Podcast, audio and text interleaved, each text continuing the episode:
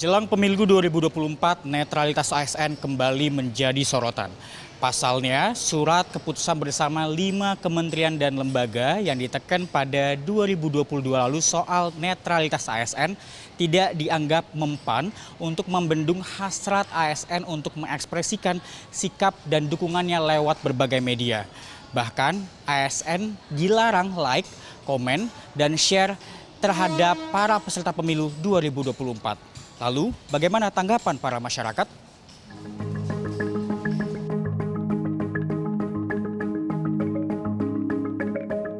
Kalau menurut saya sih untuk PNS itu seharusnya uh, dia memang benar-benar harus netral karena dia sendiri kan bagian dari pemerintahan.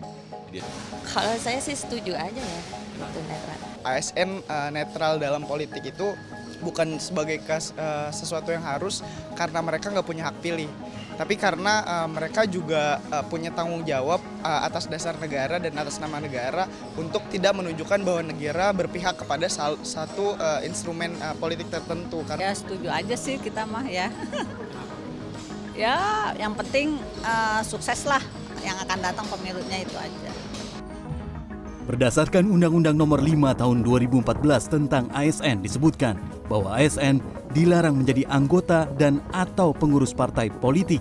ASN pun diamanatkan untuk tidak berpihak dari segala bentuk pengaruh mana pun dan tidak memihak kepada kepentingan siapa pun karena dapat merugikan pemerintah, negara, dan masyarakat.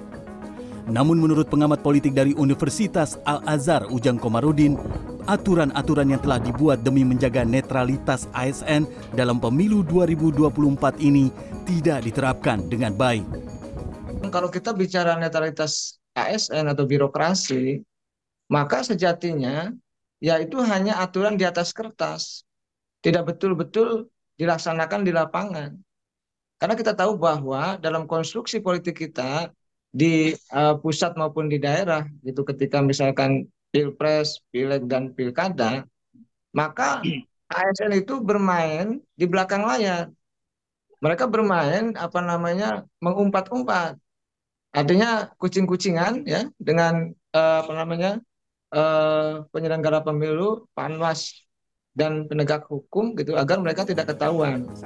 Sementara itu PLT Kepala Badan Kepegawaian Negara Haryomo Dwi Putranto mengatakan BKN saat ini telah melakukan deteksi netralitas ASN di media sosial melalui sistem berbagai integrasi, serta mempersiapkan satgas yang nantinya bertugas menerima aduan terkait ketidaknetralan ASN dalam pemilu.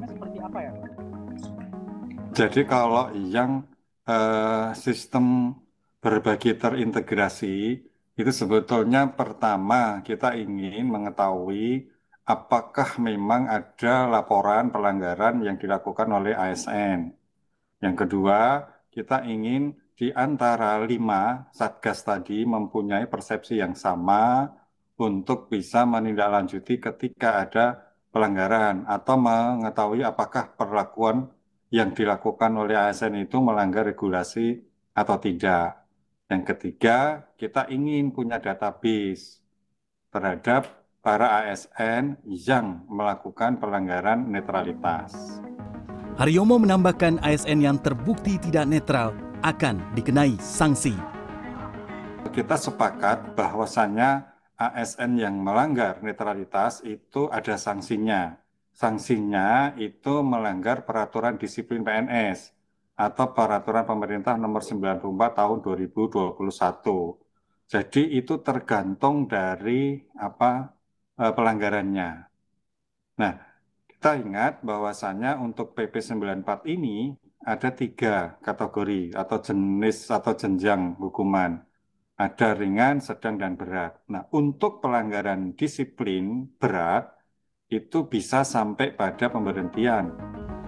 Situasi politik menjelang pemilu 2024 memang semakin memanas. Namun ASN harus tetap pada kedudukan profesional dan tidak memihak pada konstetan politik yang akan bertanding dalam pemilu 2024. Reza Siregar, Kurnia Yuniarwan, Jakarta.